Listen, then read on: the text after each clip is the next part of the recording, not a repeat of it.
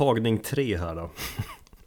På grund av teknikstrul. Fan nu blir det ju inte spontant överhuvudtaget längre. Men eh, Jag vill ju snacka om dina Stadium eh, shorts som du köpte. Eller bögshorts som du kallar de här innan.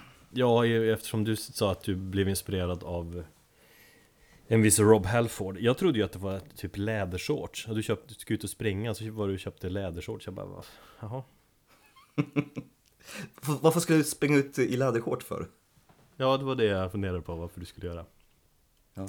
Så visste jag inte om du, jag skulle ta det seriöst och du skrev typ att nej men Jag skiter väl i att ut i, ut i spåren Ja just det, det skrev jag. Mm. Jag bara, Nej, det var faktiskt bara jävligt konstiga vindbyxor. Ehm, som faktiskt har redan försatt mig i trubbel eh, på stranden. Grejen, de är ju så små så att paketet trillar ut om du sitter och särar eller skrevar. jaha Alltså om de är små tight så ska de inte falla. Det är som att Eller alltså, de är inte, nästan inte tajta utan de är bara fladdriga. Förlåt, motsatsen till tight. Jag är helt förvirrad, jag tror de var Jag tror det var tajta lädershorts typ, men, men ja Eh, Men annars tycker jag du ska prova löpa tights Det är jävligt skönt för hela paketet och sådär Mm. Jag funderar faktiskt på att göra det. Nu när jag ska ändra livsstil och bli en wellness-inspirerad tunt. Ja, men det låter som att du är redo för ditt nya liv och ett nytt poddavsnitt Absolut, vi kör tycker jag.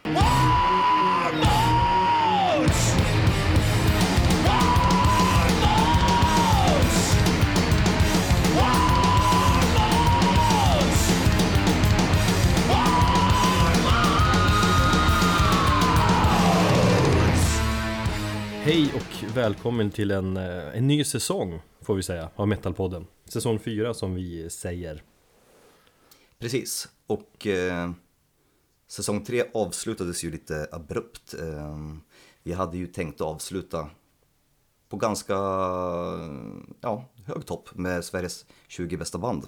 Men så blev det inte, så därför får vi börja den här säsongen med det istället. Ja Och det här är ju då avsnitt 54 Just ja, Jag är alltid så jävla osäker. Men eh, vi kan väl säga då att eh, för er som eh, lyssnar på oss första gången Det finns ju kanske någon sån.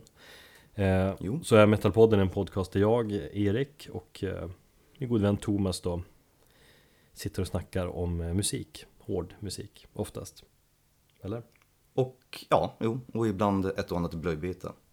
Precis. Eh, Det känns lite ovant där måste jag säga ändå. Men det, det är skönt att vara tillbaka Absolut, men eh, det känns bättre nu med den här tredje tagningen. För då har jag hunnit eh, bli lite lugnare i nerverna. Ja, det var lite jobbigt där ett tag Nej, men som sagt, eh, vi hade lite strul där i våras med eh, där livet helt enkelt kom emellan och så blir det helt enkelt. Eh, jag var fan ganska nere där eh, när datorn blev stulen och mitt försäkringsbolag eh, Jobbade i snigelfart och ja, snuvade mig på, på en hel del pengar på grund av en massa klausuler. Så bomba Länsförsäkringar. Säg upp ert avtal med Länsförsäkringen Precis vad jag tänkte göra. Eh, nej, så där tappar man peppen lite grann. Men eh, jag har faktiskt eh, tagit det så jävla lugnt den här sommaren. Så att nu börjar jag känna att det är lite skönt att komma tillbaka för att jag är eh, ganska uttråkad. Mm.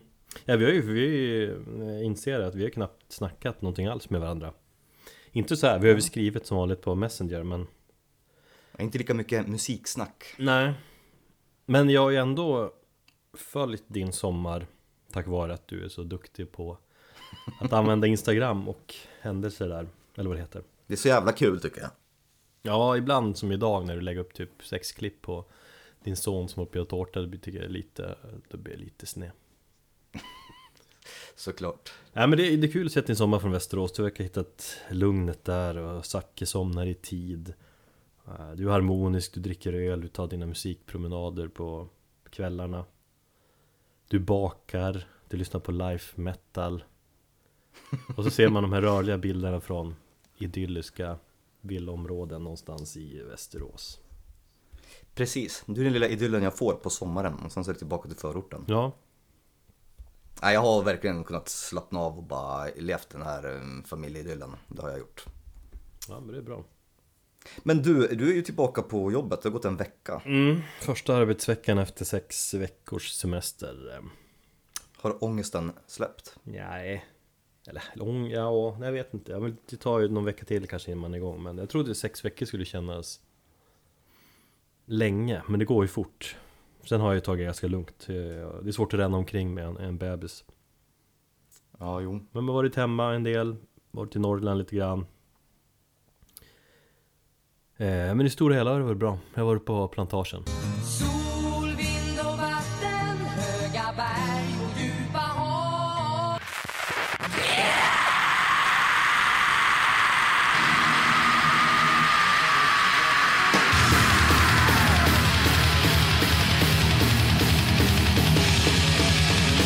Låt oss nu hoppa till eh, huvudämnet i dagens avsnitt då vi ska lista Sveriges bästa hårdrocksband genom tiderna.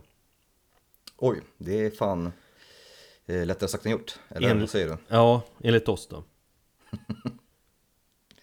Fan det var Det svårt var- att göra listan. Ja, precis. Det var ju mer ångestfullt än vad jag faktiskt hade trott och det blev ju en hel del diskussioner, men det var ganska intressant. Vi kan, vi kan väl eh, vi kan berätta hur vi, gjorde då. Mm. Vi gjorde en lista var, jag gjorde en lista och du gjorde en lista. Och så satte vi ihop de listorna till en Metalpodden-lista. Genom ett Precis. eh, poängsystem. Eh, sen kan jag säga att när jag gjorde min lista så tänkte jag, jag tänkte väldigt mycket utifrån hur mycket banden har betytt för mig. Kanske upp till eh, 80-90% i det tänket. Eh, så tänkte jag. Eh, medan du tänkte mer på bandens legacy typ. Eller hur inflytelserika de har varit för hårdrocken allmänt. Ja, eh, jag är ju lite kanske yrkesskadad så att jag har ju egentligen haft tre faktorer som jag har utgått ifrån. Mm. Eh, där om jag har försökt att få de tre faktorerna att ja, betyda ungefär, eller väga lika mycket. Men det är, ja, sen så är det så självklart att eh, mitt personliga tycke speglar lite mer än kanske just legacy. Men i alla fall, nummer ett, det är att jag har försökt att utgå från ett band som har haft ett klassiskt svenskt hårdrocksband som har haft en betydelse musikaliskt eller satt Sverige på musikskartan liksom, historiskt sett. Vi snackar om de gamla 70-80-talsbanden. Det har jag försökt väga emot nya eller relativt nya band som på något sätt om de inte har satt Sverige på kartan eller sätter Sverige på kartan i ett större globalt perspektiv så får de åtminstone någon form av arv eller en, ja, ett arv eller en flagg, flaggbärare liksom vidare. Och nummer tre är mitt personliga tycke. Så att det varit lite, det varit lite svårt. Jag vet att du, du har ju haft det mycket enkelt som bara sagt att nej men jag går efter de banden som jag gillar och det har väl jag också gjort. Men jag tycker att till exempel det finns vissa band som bara måste vara med på en sån här lista. Och det kom vi ju fram till efteråt också. Mm.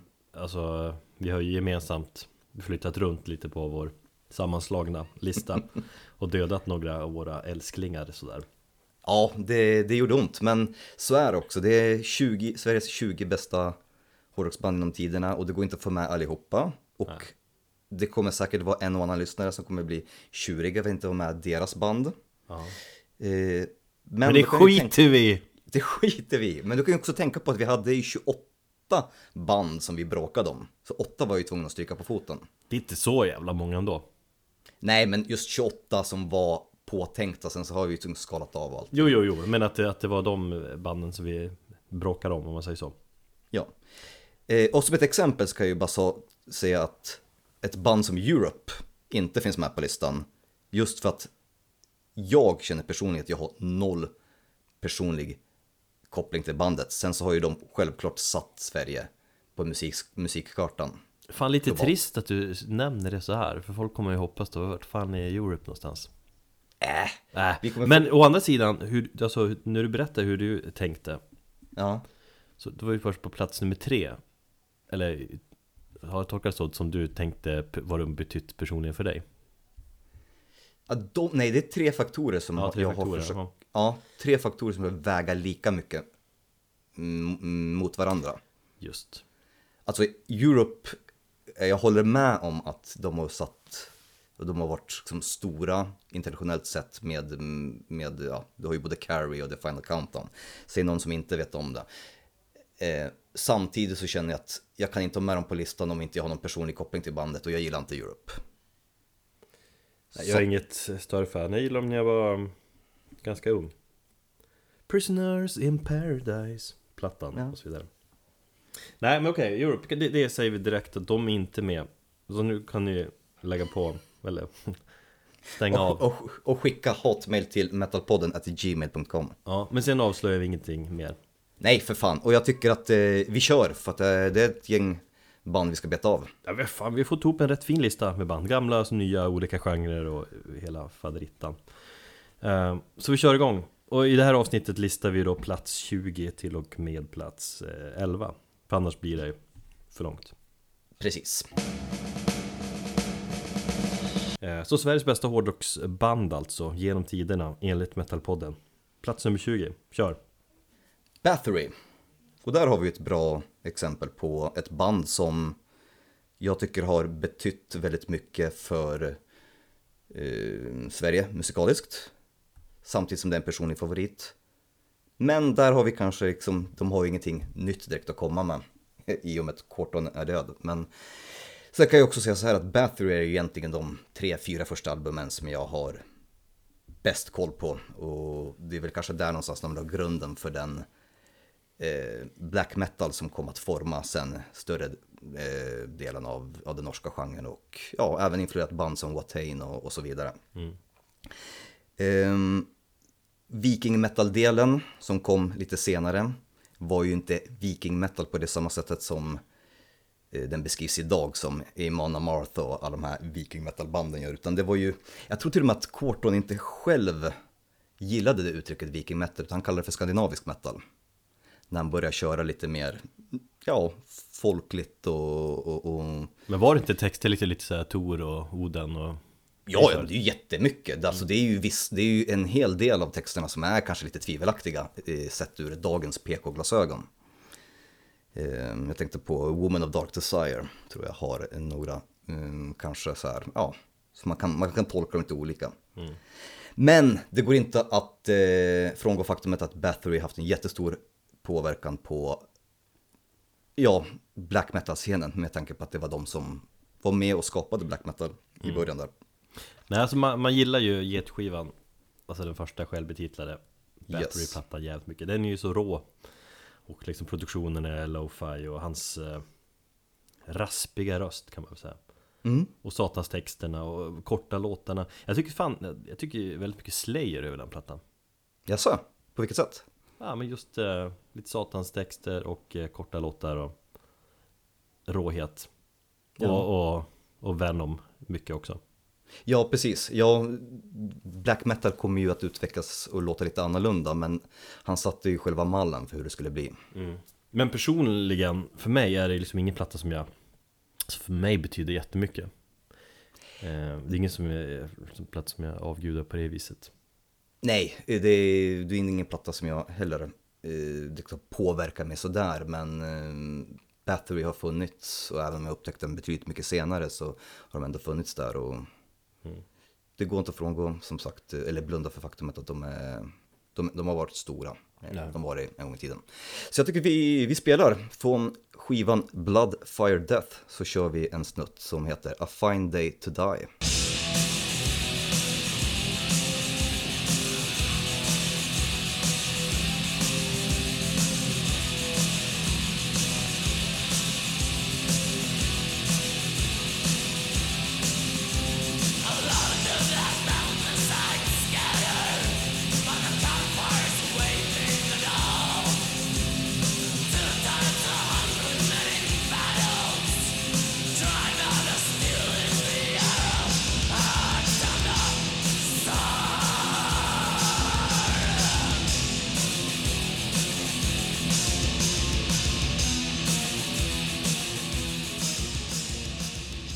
Plats nummer 19 på Sveriges bästa hårdrocksband genom tiderna Candlemass. Jag tror du skulle säga Kent.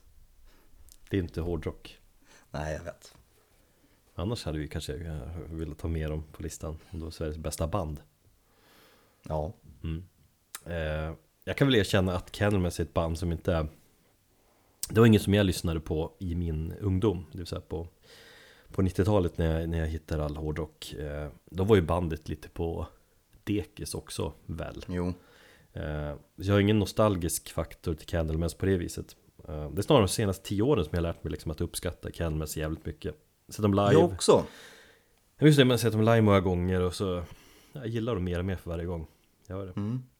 Sen har de ju haft en avgörande betydelse för doom metal i stort. De var väl ett av de första riktiga doom metal banden, även om liksom Black Sabbath är liksom huvudpionjärerna. Men just själva genrebenämningen doom, doom metal kom väl där i samband med, med Candlemass. Precis. Så eh, ytterst viktigt band på det viset. Ja, de satte ju mer eh, kanske mallen för hur Doomen skulle komma att utvecklas framöver. Och jag kan inte direkt påstå att många av dagens Doomband låter som Candlemass, men de hade väl en, en, en ganska så bred period där de influerade många andra. Men ja, som du sa, de var ju på dekisen.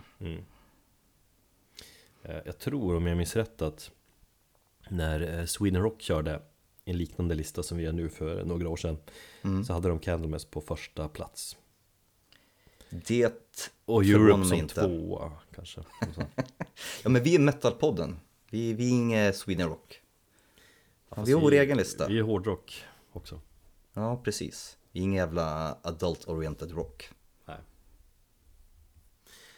Precis, men eh, Candlemass Absolut har vi mer om. Eh, Och eh, Vi lyssnar på en låt från Nightfall Andra plattan Som jag tycker nog är den bästa. Eh, Med Messiah där. Eh, Han känns som den Den mest eh, Den bästa han- Candlemass-sångaren Ja, man känns som Candlemass. Ja Hela karaktären i honom och så Och hans eh. Hans eh, stampande eller hans eh, typ av dans eller vad man ska säga Vad man nu kallar det Du tänker på videon som Jonas Åkerlund gjorde? mm. Ja, den gamla härliga videon. Klassiker. Ja Så vi lyssnar på låten At the Gallows End som är en riktigt jävla bra låt tycker jag Från plattan Nightfall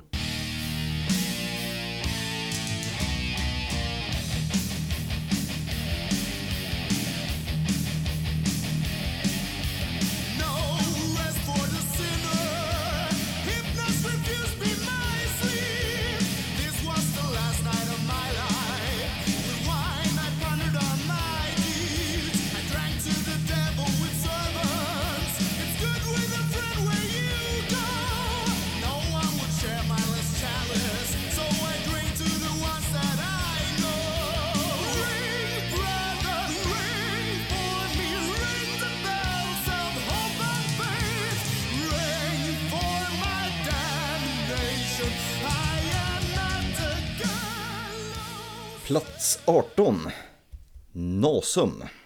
Det var faktiskt det bandet som jag upptäckte grindcore med. De bildades 92, om jag inte tar fel nu, 92 eller 93 där.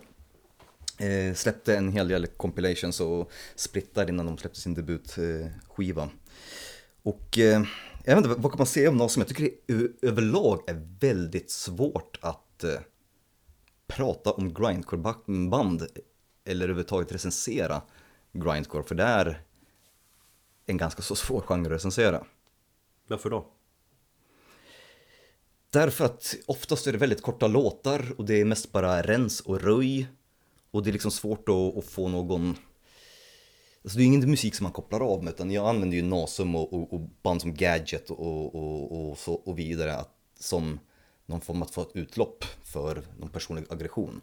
Jo visst, men jag tycker ändå alltså bra grindcore-band skiljer sig ändå från de sämre med, med liksom, jag tycker bra produktion står ut och bra riff liksom Även om det är jävligt korta låtar så Ja, står bra, håller- bra grind ut för mig Ja, alltså, nej, jag, jag håller kanske inte riktigt med om att det var bra produktion. Så jag har kommit på mig själv med att gilla grindcoren. Det är nog mer någon känsla att om de verkligen kan låta förbannade på riktigt. Vilket jag tycker att Nasum gjorde. För att Nasum i alla fall ett av de första banden som jag upptäckte som hade en väldigt stor eh, politisk agenda, eller det fanns ju åtminstone ett social, eh, socialistiskt tänk och, och, och kritik i deras texter.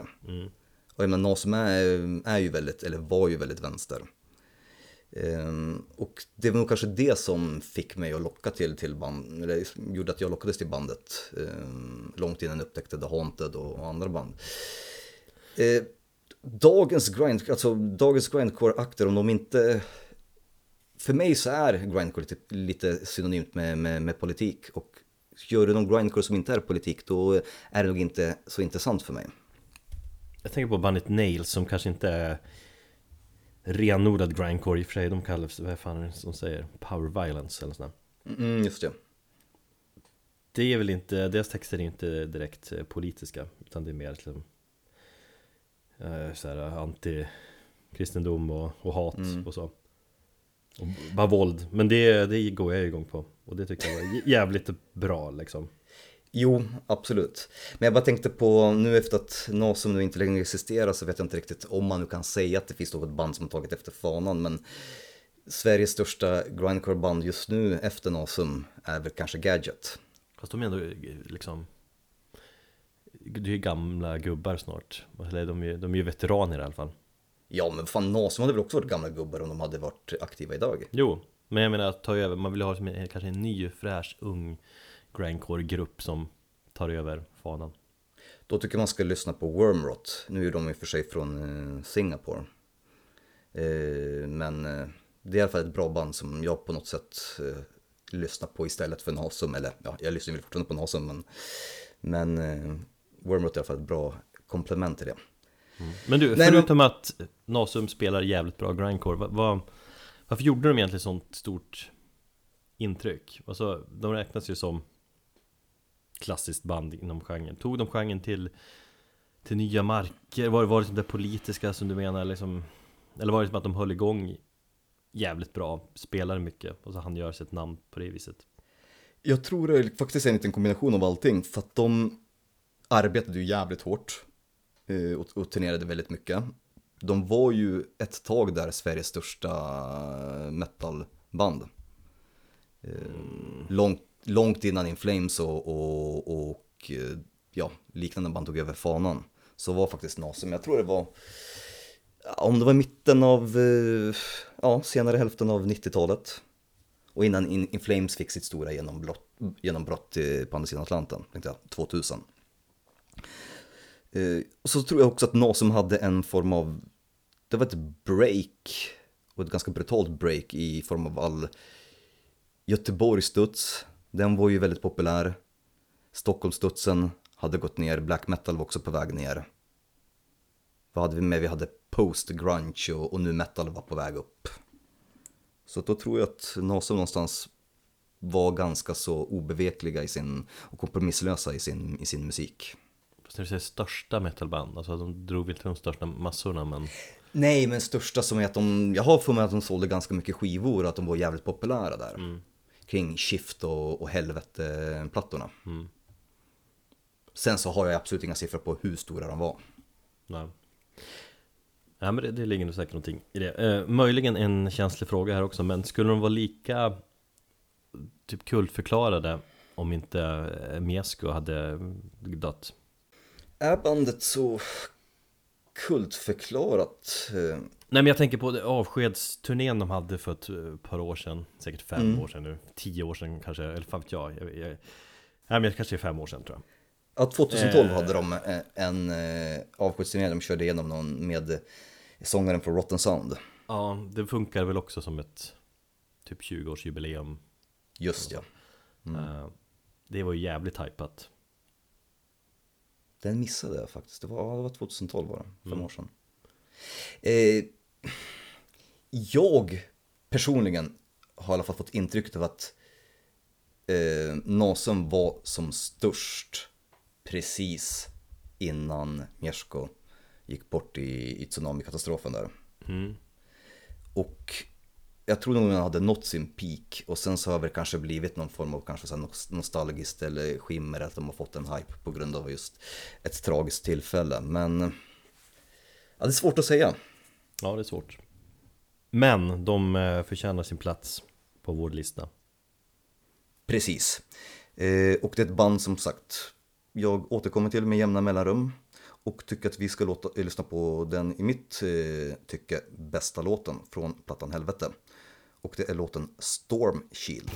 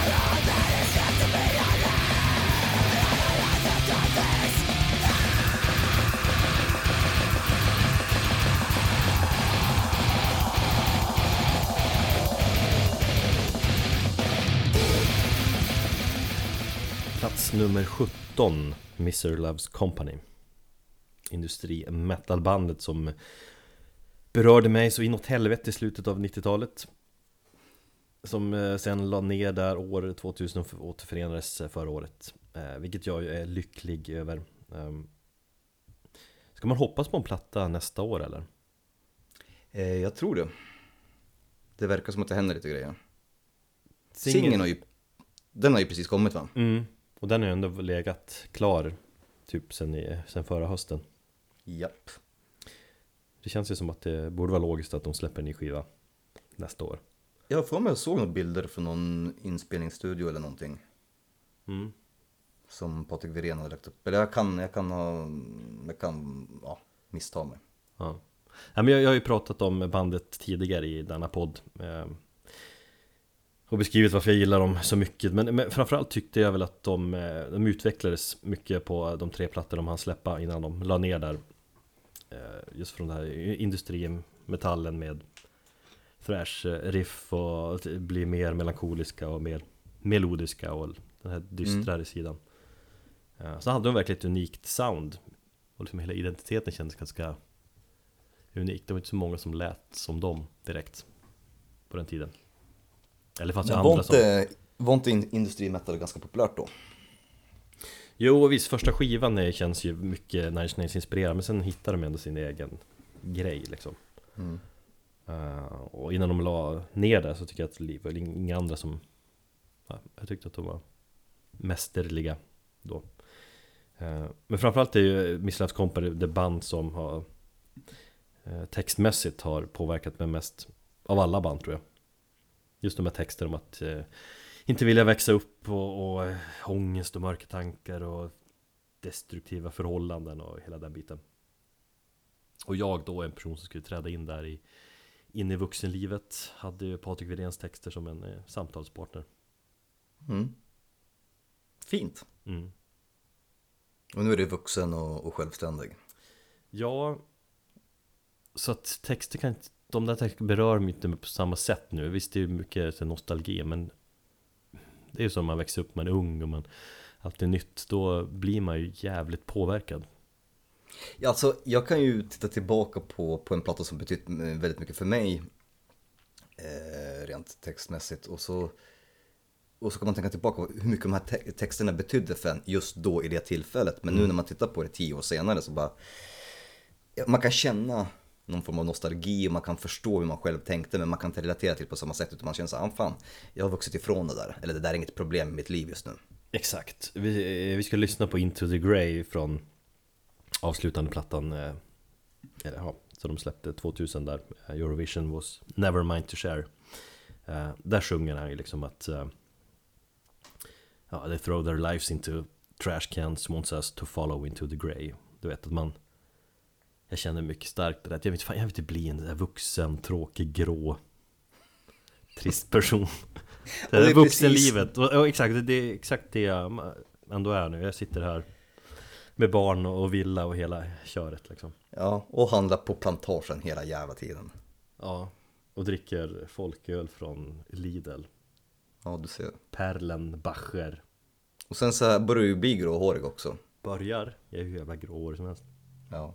Into the grey Det är kanske så man ska tolka det In i gråhårigheten Mm.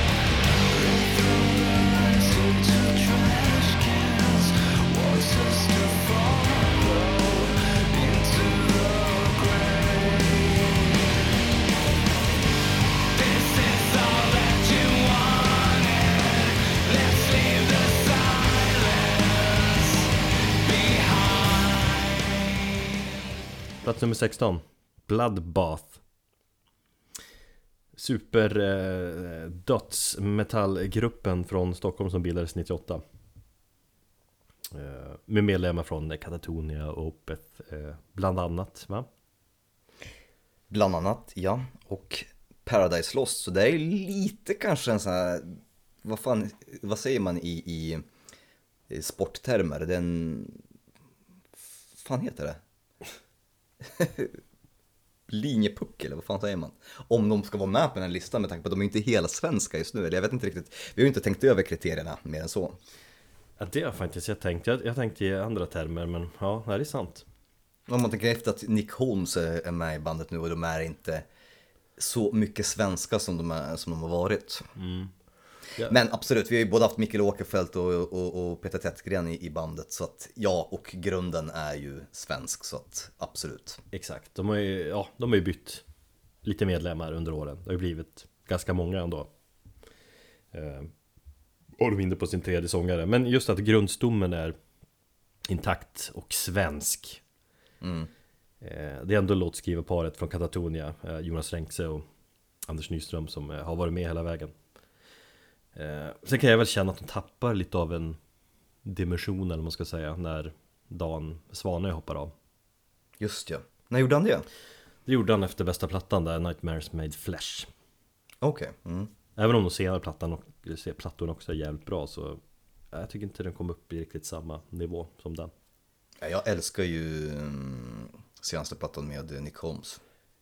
Ja, alltså det, är- det är ju jävligt bra plattor det också. Men just när Svanö var med, han, han var ju Han skrev ju mycket också. Så att Han skrev bland annat den här äh, Iten, deras stora hit. Just ja. eh, Och så, så att det var som att de eh, Kanske konkurrerar med varandra, t- liksom tvingar varandra att skriva bättre grejer då. Kanske är liksom när nu när Renkse och Nyström skriver allt, de är så vana att skriva musik Tillsammans, så att de blir liksom inte utmanade på samma sätt. Möjligtvis, det är min teori så.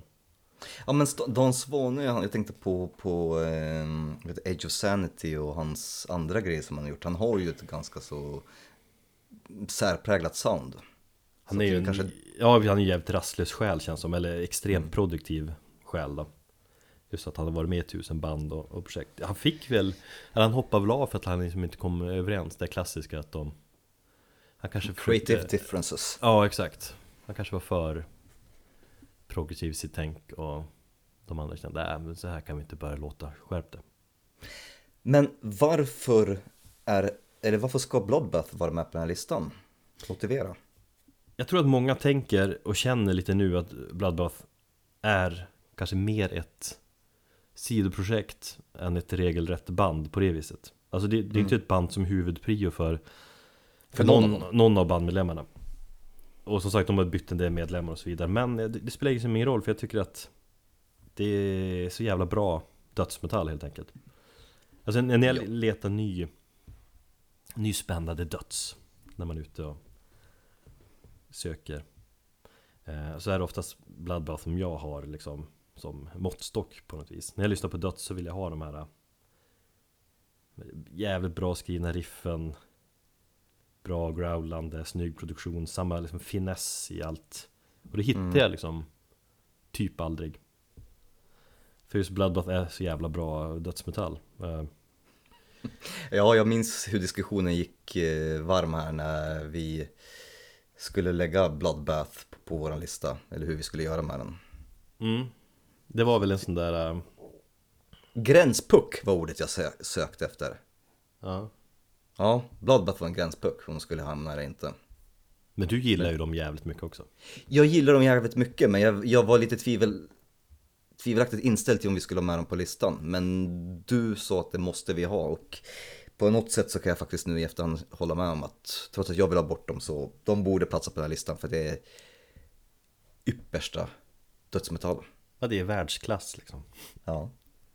Toppelit Högsta divisionen I ishockey Precis.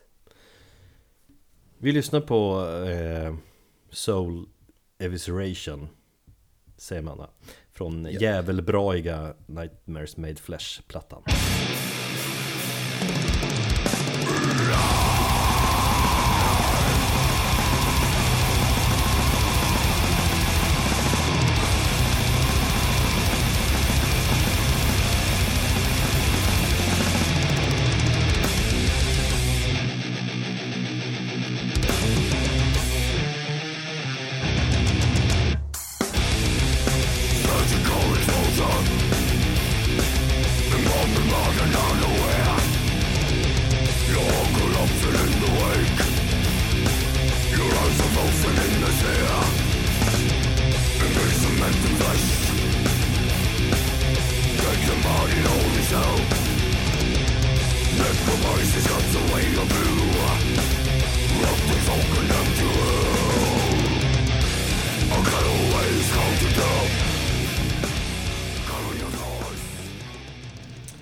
Plats eh, nummer 15 Graveyard De slog igenom ganska kraftfullt där När de slog igenom Eller i och för sig, första plattan blev kanske inte en jättesuccé Den kom väl typ 2007-2008 Men sen Några år senare när de släppte Hisingen Blues 2011 Det, det, är ju- det var en jävligt löjligt bra platta Ja, absolut. Och det är väl där de fick sitt eh, kommersiella genombrott, tror jag. mm.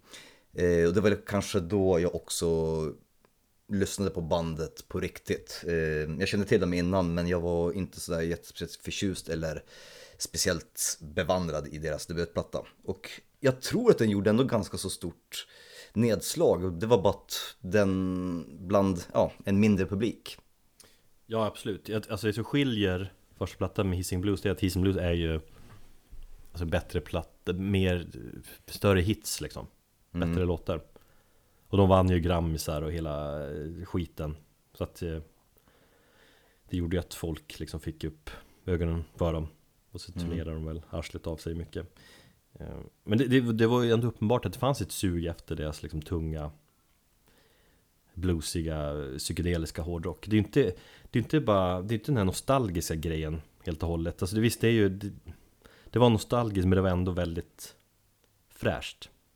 Ja, alltså det jag tyckte Graveyard lyckades med och det var att få Alltså de tog nostalgin hos många av de som växte upp under 70-talet Så jag kan inte räkna in mig själv där, eller du, inte du heller Men jag tror att det var många som gillar just den här gamla klassiska bluesiga hårdrocken Sen lyckades de göra den i modern tappning Mm. Och det behöver inte vara att man, att man växte upp under den tiden, utan man gillar den eran allmänt liksom.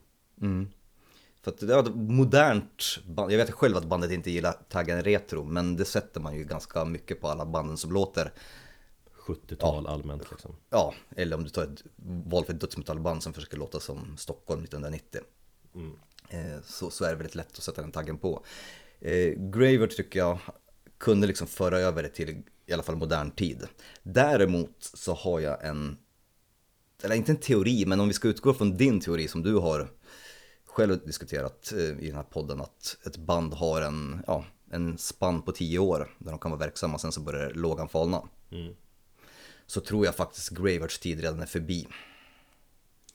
Jag är lite både och. Jag har ju varit inne på det tänket. Sista plattan de släppte innan de, de la ner. Eh, den var ju en besvikelse. Sen hade de ju sagt världens kortaste nedläggning av ett band. Det innan är de, Spinal Tap-varning på det. ja. Eh, nej, men jag känner att det ska bli jävligt spännande att se vad som händer. Jag också. Det, det, det det. Det det det det det det, det det. När jag såg dem i, i våras här eh, Eller försommaren i, i Umeå när det var typ tre grader varmt Så kände man ju att trummisen Axel Axel eh, saknades Ja. Men, men de hade ju en, den nya trummisen, vad han heter, heter han, han hade ju en egen stil också så att Ja, jag tror att De kanske kände att det blev lite en besvikelse i plattan så att de kommer tillbaka hårt Men Jo, jag är inne på ditt tänk också, att de kanske har haft sin tid Det enda, alltså jag, jag önskar ju självklart bandet, eh, jag gillar ju dem förut, förutom just senaste plattan då. Eh, och så jag hoppas ju verkligen att de kan göra någonting i stil med, ja, men säg kanske Lights Out eller, eller Hisingen Blues. Men min största farhåga är att det kommer bli sånt här, vet, mediokert band som kommer typ sälja skivor på, på Åhléns och spela på sommarkrysset ungefär. Nej Jag hoppas att jag har fel.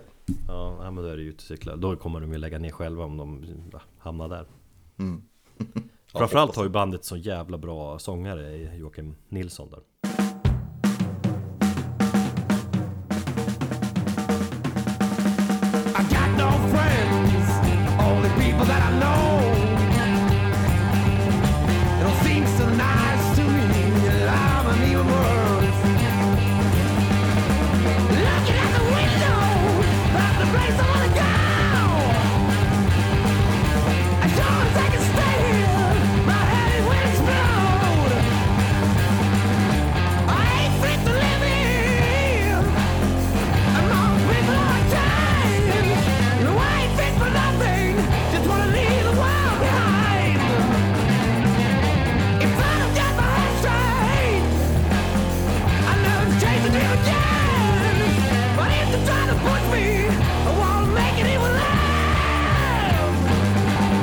Plats 14, Watain.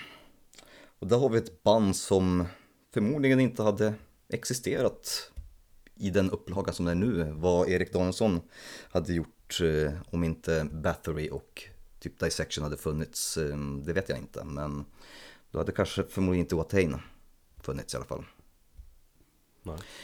Och jag tycker att Watain är tillsammans med Marduk tycker de är två urstarka band. Några av Sveriges bästa band och speciellt inom sitt område då. Black metal. Jag tycker varken att Watain eller Marduk behöver konkurrera med varandra för jag tycker de kör två egna grejer. Eh, men varför Watain fastnar på den här listan det är just för att jag tycker att jag gillar Erik Danielsson, eller jag respekterar Erik Danielssons och diggar allting han gör med musiken. Och han har ju ett ganska så konceptuellt tänk kring musiken, omslag, kläder och liveshower. Man blir så jäkla merchpeppad när han var med i Fredrik Strages podd Och när han Ja. snackade merch och dess betydelse liksom Då kände jag bara fan Jag måste köpa mer merch Precis. Och jag tycker att eh, han, alltså han har ju otroligt mycket integritet och eh, han lever ju för det här. Det är ju så, det är så det, är, alltså, det blir så ögonfallande, speciellt om man ser den här dokumentären som eh, Claudio Marino gjorde om honom, Blood, Ink and Spirit. Där man får så här 15 minuter ingång i, i, i där får man som se hur, hur, hur seriös han är och hur han lagt ner och vikt sitt liv åt sin religion, som att vara satanist eh, och tro på, på, på, för mig så är det Allah, Buddha, Jesus, Satan, det är för mig same shit. Så att jag kan inte riktigt känna någonting eller att det resonerar någonting i hans re, religion. Men musikaliskt så tycker jag att det känns på riktigt och det känns stundtals lite farligt. Det är väl det som framförallt gör att Vetain står ut alltså, det, alltså de, de, de lever ju mycket på Alltså vad som skrivs om dem i böcker och i intervjuer och, och liksom Myten om dem Om spelningarna, vad som har hänt och Blod och, och Grislukt och folk spyr och så vidare Att allt det där lockar ju Väldigt Jo mycket precis, och det är inte bara en gimmick utan det är, det är en förlängning av Erik Danielsson och hans ritual. Men han säger ju att han går ju upp på scenen och han gör allt det här. Det är, allt det här är en viktig beståndsdel, varenda liten detalj är ju uttänkt. Visst, men, vara- men det är ju också rock'n'roll och show av det hela Absolut, någonstans så finns det det också. Det, det tror jag. Men frågan är om hur Watain, alltså har man inte varit på en Watain-spelning eh, så kanske det är lite svårt att och liksom förstå hur, hur, hur, hur, hur, liksom, hur, in, vilka intryck musiken gör på en. Mm. Men jag tycker i alla fall att det är ett, det är en väldigt, ett väldigt bra black metal band. Det är eh, ett band som också har satt Sverige på, på musikkartan. Och eh, så tycker jag att de har sin egen, de gör sin egen grej och skiter i allt annat. Och jag är aspeppad på nya plattan som ska komma här i början av januari. Det ska bli intressant att se vart de tar vägen. De har väl De har väl delvis tidigare ansett sig förnya black metal-genren Eh, Men jag kan väl känna att, att de eventuellt lite så säkrare väg de, de senaste plattorna Eller två senaste kanske Jag älskar Sworn to the Dark, eh, Lawless Darkness och The Wild Hunt tycker jag är bra på sina ställen. Jag älskar deras den här, de fick väldigt mycket skit när de gjorde den här balladen They Rode On som är egentligen på många sätt, ja också en hyllning till, till, till Bathory och det är en form av ballad som helt plötsligt alla true metal-elitister blev ganska så, så förbannade över. Mm. Så redan där alienerar de sig med väldigt många, men jag tycker fortfarande att de, det har inte på något sätt kompromissat med deras musikaliska integritet. Bara för att han gjorde en ballad och kanske blev lättillgängligare. Men vi får se vad nästa platta, det har fan gått, vad är det, fyra år? Nästan fem år när den kommer. Lawless eh, Darkness-plattan gillar jag nog mest Eller det är den jag minns mest ifrån i alla fall Den var jag väldigt inne i jag tyckte, alltså, det, det var ju så mycket thrash metal i den. Mycket tidiga Metallica, typ uh, Ride the Lightning-känsla i många av låtarna tyckte jag. Fan, nu när du säger det, det har inte jag tänkt på. Men det är väl kanske inte så konstigt, han är ju en uh, lite Metallica-nörd. Absolut, det var ju Metallica och Guns N' Roses som fick in honom på hårdrocken. När han eh, fick eh, åka med på en konsert och se banden för första gången i början av 90-talet.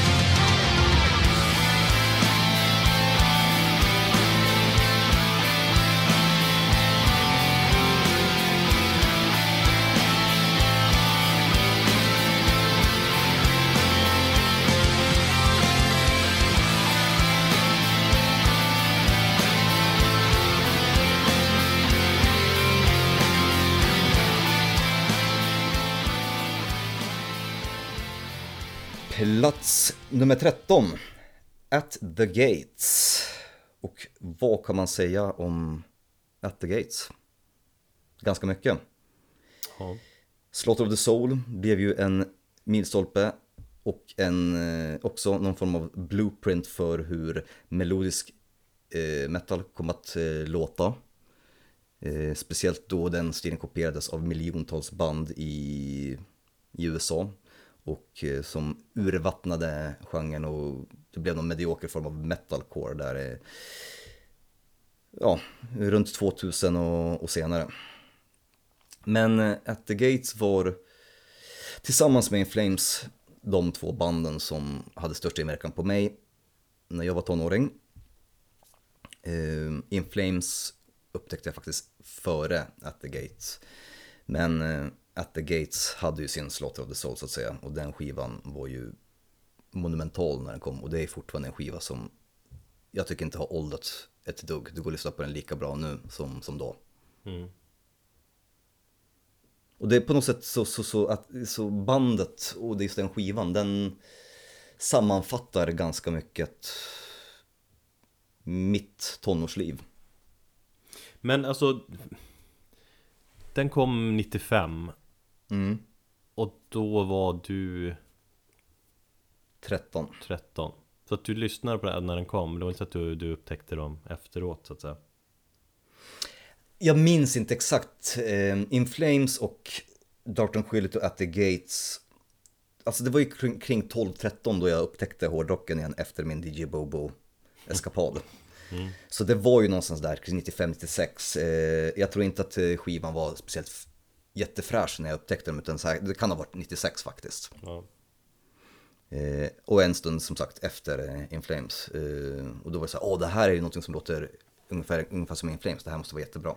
Jag gillar den det- totala kontrasten mellan eh, DJ Bobos eh, Eurodisc, Eurodance och liksom At the Gates. Nej men som sagt, At the Gates, och det går inte att förneka deras inverkan och med just skivan då, Slaughter of the Soul. Och när de nu släppte At, the War, eh, At War with Reality som kom för två år sedan, hur efterlängtat det var med nytt material från, från bandet. Det som är coolt med the Gates att det, det är inte bara en, en nostalgiakt på det viset eh, Med de här klassiska skivorna, utan just återföreningsplattan var ju faktiskt riktigt bra Det var den, men jag kan tycka så här lite i efterhand att den är, kan bli lite småtråkig. Ja, Det är, det är ingen skiva som jag, jag har lyssnat på den väldigt eh, extremt eh, när den kommer, men sen så, jag har inte gått tillbaka till den. Jag har ju pratat förut om att jag tycker att det är så mycket hånt i det jag, jag, liksom, Det är väldigt Just ja. mycket bröderna Björler på skivan Och eh, om man kan liksom riffen så känner man igen liksom hur de skriver riff Eller skrev riff i The Haunted också Jo, precis. Det ska bli intressant att höra hur deras nya skiva kommer låta, låta i och med att en av Björre-brorsorna har hoppat av. Jag är ju jättetveksam att det blir bra. Alltså mycket av Hela, At the Gate-soundet är ju bröderna Björler De har ju skrivit i princip all musik. Ja, Det är väl liksom brö- Björler på alla låtar. Mm. Så att jag tror att eh, Jag är ganska övertygad om att det kommer märkas på samma sätt som när eh, Det, det är Anders Björler va, som hoppat av. Jag minns faktiskt inte vem. Ja, gitarristen. Han hoppade av The Haunted också så att, eh, och, och då Lyssnar man på Haunted, det, det saknas liksom en tydlig ingrediens Eller viktig krydda Det är ju som, eh, man sitter och käkar mat Det är ju schysst men man behöver ju ofta salt liksom Kul Ja. att käka utan salt eh, Dålig liknelse men, men eh, ja Jag tror att det blir lite trist Fan, jag undrade just när vi skulle få in en matmetafor i Metalpodden. Det, Ja, det tog var 54 avsnitt. Den var bra Ja. Men, eh, Men- jag kan ju säga att eh, från min sida eh, Du är ändå inne på scenen då det begav sig. Det var inte jag där 95 För att de De la ju ner där 95 Jag, alltså jag minns mest den här, jag kanske sagt förut I den här podden, jag minns den här jobbiga jävla videon till Blinded by Fear Som alltid spelades på, på Superrock på MTV när Jag och polaren Svenke spelade in den. Och Tompa har jättelånga dreads. Långa rödhåriga dreads och bara överkropp och, och tror jag att uh, Trummis Erlandsson också har typ bara överkropp och så är de i någon övergiven byggnad och så är de så här uh, Spruta gnister från skrevet och sånt där. Och så bara, Ja. är den här jävla låten igen. Det var liksom mer uh, hatet till Gates. Oj, oj, oj. Eh, För att jag blev ledsen med den här låten. Men visst, sen upptäckte jag dem ju senare Ja, det går fortfarande inte att komma förbi introt till, till Blinded by Fear och, och sen så när, när um, titelspåret går igång efter det. Det är ungefär som, det är som, det är så klassiskt de tre första låtarna. Det är som, ja ta Rain in Blood med, med Slayer. Det är också, alltså hur låtordningen, hur viktig den är. Det är liksom, det är ett soundtrack för hela Göteborgsscenen och hela den här melodiska dödsmetallen på något vis Ja, Slå på den låten Precis.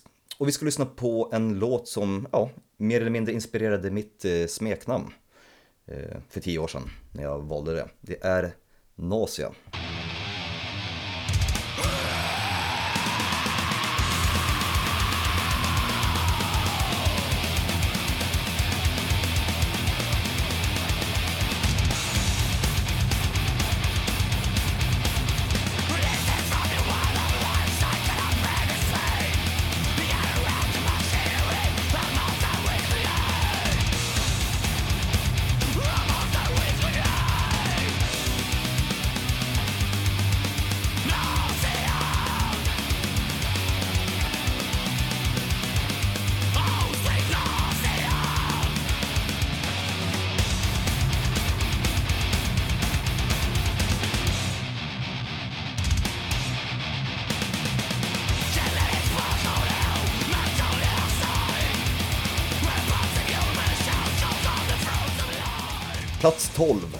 Inte helt oväntat, får bli In Flames. Jävligt intressant att In Flames kom precis efter At the Gates De som liksom på något vis eh, tog över stafettpinnen, eller vad man ska Ja, precis. Alltså, inf- ja, nu är jag lite osäker på exakt när At the Gates bildades, men In Flames har jag väl för mig att det bildades 91, 92. 93 tror jag deras, eh, någon EP kom. Eller för Luna Strain, nej 93 tror jag Luna Strain kom och sen så kom en EP 92, eller 94 som hette eh, Subterranean. Och så har väl medlemmar spelat i, i båda banden och sådär också Precis, där i början av 90-talen så var ju eh, Anders Fredén, nu sångare i In Flames, han sjöng i Dark Tranquility och Mikael Stanne, nu sångare i Dark Tranquility, sjöng i In Flames. Eh, däremellan på EPn tror jag också, eh, just den här Subterranean-EPn så har de eh, Henke Fors, en kille. Eh, och han sjunger även i ett band, oh, som jag inte kommer på namnet på, eh, har släppt en skiva som heter Slaughterson. Eh, och ja, som sagt, In Flames var synonymt med mig under fan. Sen jag hörde The Just Race för första gången. Den kom 95. Mm, fick låna den, och det har jag också väl berättat innan på, när jag fick låna den av en kille som brukade mobba mig. Det är jättekonstigt att han lånade ut den plattan till mig, när han egentligen bara ville göra narr och slå mig på käften. Men jag har väl honom att tacka för det. Eh, och de kommer att prägla mig, ja, faktiskt ända upp till 2000 när Reroute to Remain kom där och de ändrade sin, sitt sound och blev lite mer mainstream och tog för mycket inspiration från eh, amerikanska scenen så jag försvarade den plattan jättemycket men där någonstans började det gå lite neråt och då insåg jag att även mina hjältar är inte odödliga utan de kan fela. Och idag så tycker jag att bandet ja, egentligen inte är ja, någonting jämfört med, med, med ursprunget. Men så är det. Där, du hade ju den väldigt eh, långt ner på listan Bandet Vilken då? In Flames? Ja Mm. Och det, det tycker jag var så förvånande för jag vet alltså i, i grunden är det ju ett band som ändå har betytt väldigt mycket för dem Men du, du la in mycket liksom hur de Hur de är idag och att du inte gillar dem idag och så vidare Ja men man måste ju göra en sån Alltså jag, jag, jag beundrar dig Erik som, som kan gå på en spelning och jag beundrar många fans som kan gå på en spelning och liksom se ett band som kanske är bara ett skal av sitt forna jag, eller se där det bara finns en orgi- originalmedlem och folk står och hurrar som om det vore liksom originaluppsättningen. Eller när du går och ser Metallica, hur du kan fortfarande peppa igång dig efter, på Metallica trots att deras bästa tid sedan länge är förbi och de egentligen släpper halvbra grejer. Fast Metallica Jo. det, är- det är kanske Jo, men- lite svårt exempel också i och med att det är så mycket andra faktorer som spelar in där Men eh, Nej men grejen är, så, jag är nog inte så- sådär jättenostalgisk av mig utan ett band gör bra grejer och sen så, så, så kanske de tar en annan riktning och så här. Och om den riktningen då inte rimmar med mig, då är det med så här, ja men fuck it, då hittar jag någonting nytt. Jo men fortfarande på sådana här listor när man snackar Sveriges bästa hårdrocksband genom tiderna och sådär då, då Även om bandet är dåligt idag så måste man ändå verkligen tänka på de där jävligt bra plattorna Absolut, och det har gjort det. Och det är egentligen, om jag ska ta, så är det ju Colony, plattan från 1999 som betyder mest för mig. Den har jag ju lyssnat sönder så pass mycket att jag kan varenda låt utan till. Men, då får jag ju också ta tidsaspekten. Och, och liksom ta och väga den emot mot det. Det var, vad var det? Det var 18 år sedan den skivan kom, snart 19 år sedan. Och sen så har inte In Flames betytt så mycket för mig under de senaste 10 åren. Så därför blir det liksom, ja.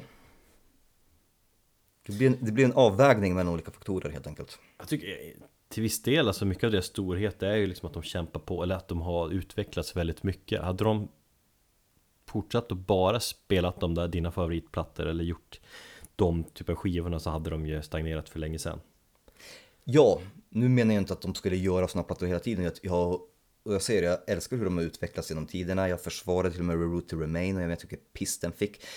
Idag ses det som en klassiker, så när, när, när bandet säger att de ska spela eh, klassiska låtar, då spelar de sk- eh, låtar från den skivan. Och för mig är det så här, men den skivan är ganska ny för mig. Klassiker för mig är The Just a Race liksom. Och jag, de kidsen som lyssnar på In Flames idag, de har ju inte ens någon aning om Luna Strange, Subterranean a Race. Nej, det är sant. Utan det, det, det är som att de hittade en ny och yngre publik 2000 med Rule to Remain. Och nu vad de gjorde med senaste skivan Battle som kom förra året, då lyckades de väl hitta, ja, jag vet inte, förskolebarn som gillar den musiken. Men förlåt, men det, där, där tappar jag, för nu har både eh, Peter Ivers hoppat av bandet och Daniel Svensson och vad jag har förstått så gillar de inte den riktningen som bandet tog. Utan det är liksom, det är ju Anders och det är Björn som bestämmer. Det ska de ju ha cred för att, att de, de fortsätter och kör på Men det känns ju som Det känns som att de inte riktigt har gnistan Eller att de har tappat det väldigt mycket Att de inte brinner på samma sätt Nej, utan det har blivit en sån här, ja men det är lite en dussin-grej, det har blivit väldigt mycket rutin. Samtidigt, liksom, vad, kan man begära egentligen efter att de hållit på så länge också? Det, Ja. Jag är inte ett dugg arg eller liksom har, har någonting otalt med bandet utan jag, jag tackar för dem, de har betytt så otroligt mycket för mig. Men det är precis som i vilken annan relation som helst, vi växer ifrån varandra. Jag ser, det här är det här året jag inser en massa saker, jag börjar växa ifrån en massa kompisar och, och, och folk som man har hängt och man bara inser att Fan, när vi var 15 år gamla hade vi kanske gemensamt eller vi lekte på gården. Men, men idag har vi ingenting gemensamt, då kan vi väl bara gå skilda vägar. Och jag kommer kanske ringa till Inflames, ungefär som jag ringer till en kompis en gång var 15 år för att kolla läget liksom. Hålla dem, hålla liksom utkik på vad de gör. Men varken Siren Charms eller Battles har gjort någonting för mig. Och jag respekterar det, är för det är kanske jag som har vuxit ifrån. Jag säger inte att bandet, för de har ju ingen skyldighet gentemot mig. Ja, för mig var det som just tidig In Flames, det var, det var aldrig något som jag direkt fastnade för Jag vet att vår trummis i vårt eh, band i Övik, Harvest Lockos, världens bästa band.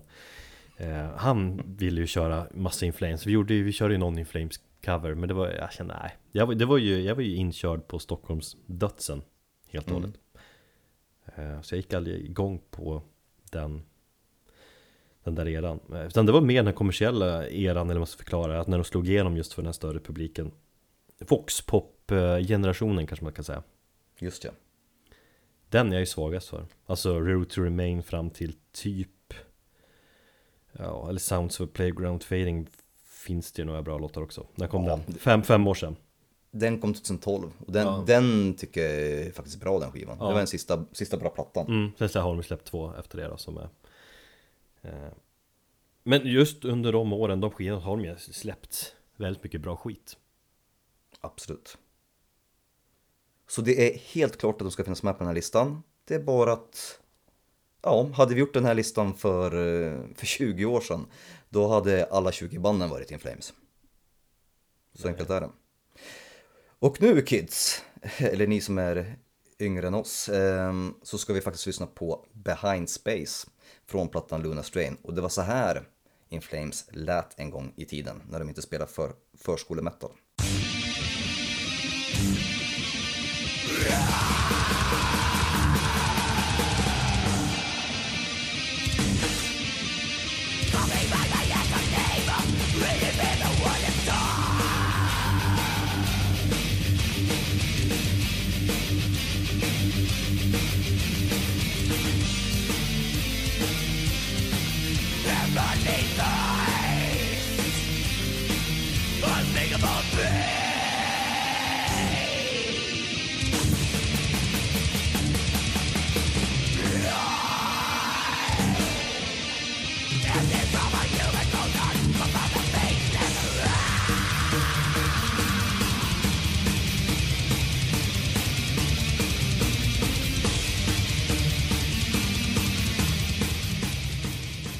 Har vi kommit fram till plats 11 Ja, och Kvällens den sista, sista. Ja. Precis utanför topp 10 där alltså eh, Och det är bandet Ghost Ja, lite spännande Jag tycker att det är en bra plats för bandet. Ja, exakt. De förtjänar kanske inte riktigt topp 10 men de förtjänar absolut att finnas med. Alltså det är ju Oavsett vad man, man tycker om, om Ghost får, man ju ändå säga att det är en sjukt häftig resa de har genomgått ändå. Precis. Och det går ju inte att förneka deras popularitet. Nej, absolut inte. Jag menar, de, de var ju... De startade som en kul grej först liksom. Som blev kult eh, ganska snabbt och sen blev de ju stora vansinnet eh, fort där. Idag är de väl Sveriges största hårdrocksband. Alltså de drar ju fulla hus i staterna.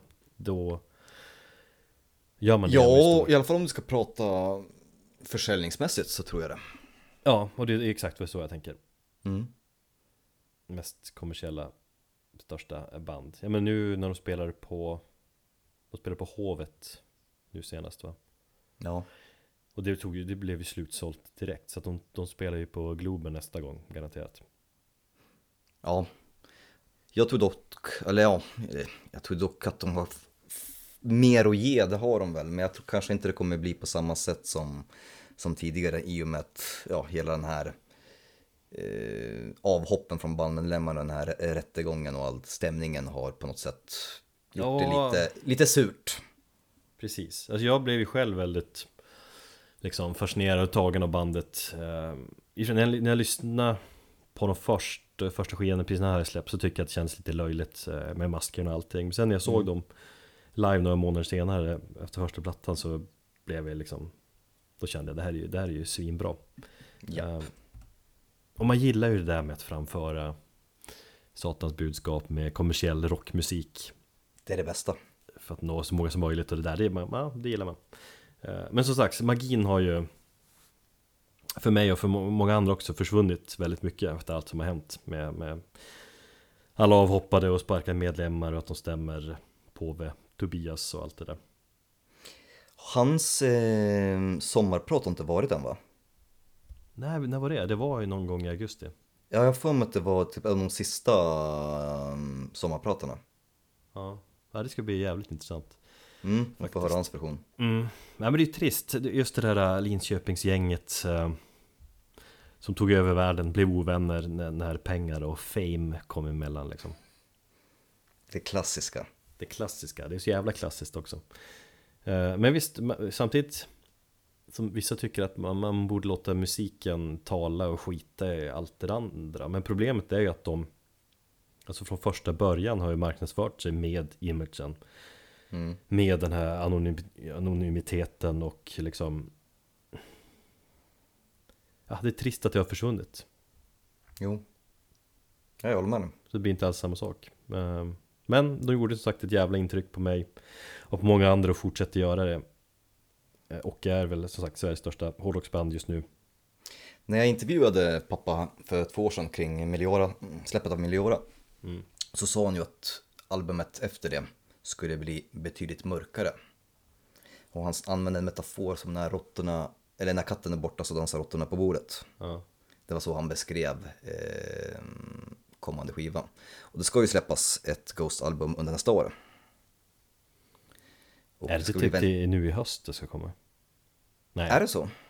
eller att de ska spela in nu kanske Ja det lär Det kan- komma, kom, lär komma i början av nästa år kanske Ja, det, det tror jag nog. Ehm, det ska bli väldigt intressant att höra för Ja, som sagt, Meliora var ju en jämntjock och ganska tråkig skapelse.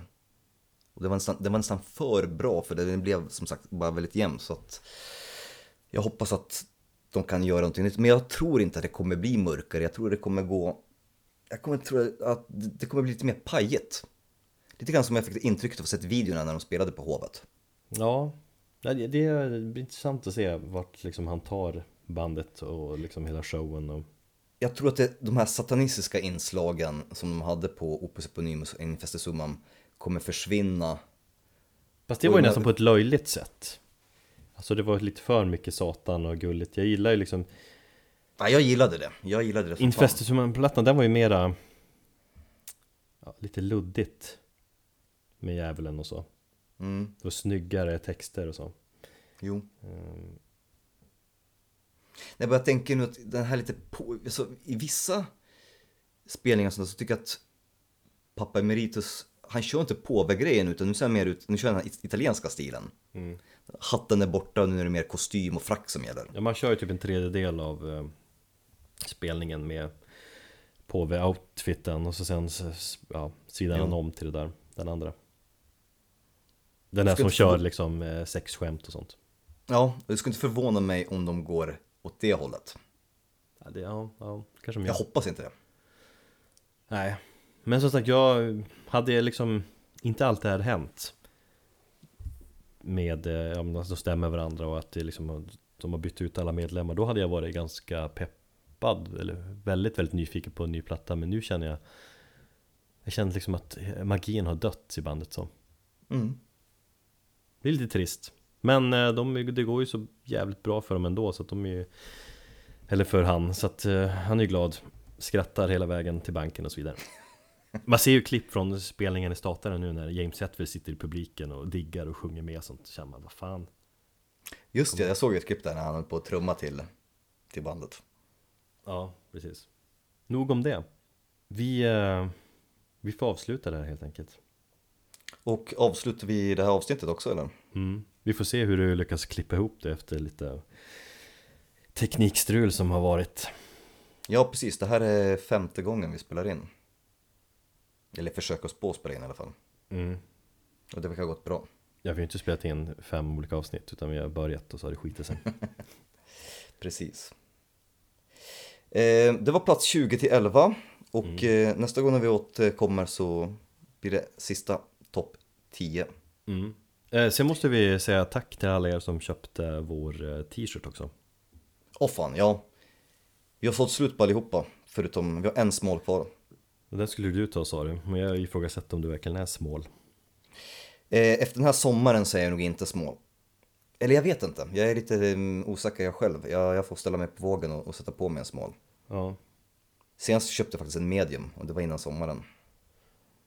Min Church Burner t-shirt. just det Från eh, Jäger, Mona Lord Jäger Precis. Den är cool eh, Ja, nej men det, det gick ju fan bra att sälja den där t-shirten Tog slut på ett dygn eller så Så vi kanske måste trycka upp lite fler om det finns ett intresse Ja, precis. Är ni intresserade av fler t-shirtar eh, och vill köpa en så kon kontakta oss på något sätt. Antingen på, på Facebook eller Instagram. Dra iväg ett mail till oss och säg att ni är nyfikna. Och finns det tillräckligt med eh, efterfrågan så trycker vi upp ett nytt gäng helt enkelt. Och eh, ja, i sedvanlig ordning så skicka hatmail till oss också. Och eh, kommentera och säg gärna vad ni tyckte. Om eh, de här första tio banden. Än så länge kan ni ju inte klaga på att era favoritband inte har kommit med i och med att ni inte har hört nästa avsnitt Nej, förvisso. Förutom Europe då Ja, precis. Men tack att ni har lyssnat Kul att vara tillbaka Thomas, känner du? Ja, absolut. Eh, Jag eh, känner mig faktiskt rätt så peppad. Mm. Ska bli kul. Så vad är det vi ska lyssna på? Vi ska lyssna på Monsterens Clock eh, Avslutningsspåret från Infestisuman-plattan En fin låt Som de alltid avslutar konserterna med, väl, typ Och som handlar om att ha sex och få orgasmen och tillsammans och att dyrka satan. Så det blir en bra avslutning. Härligt. Och till nästa gång så ta hand om er. Tack ska ni ha. To the sound of the monstrous clock, Aries cleansed assemble flock,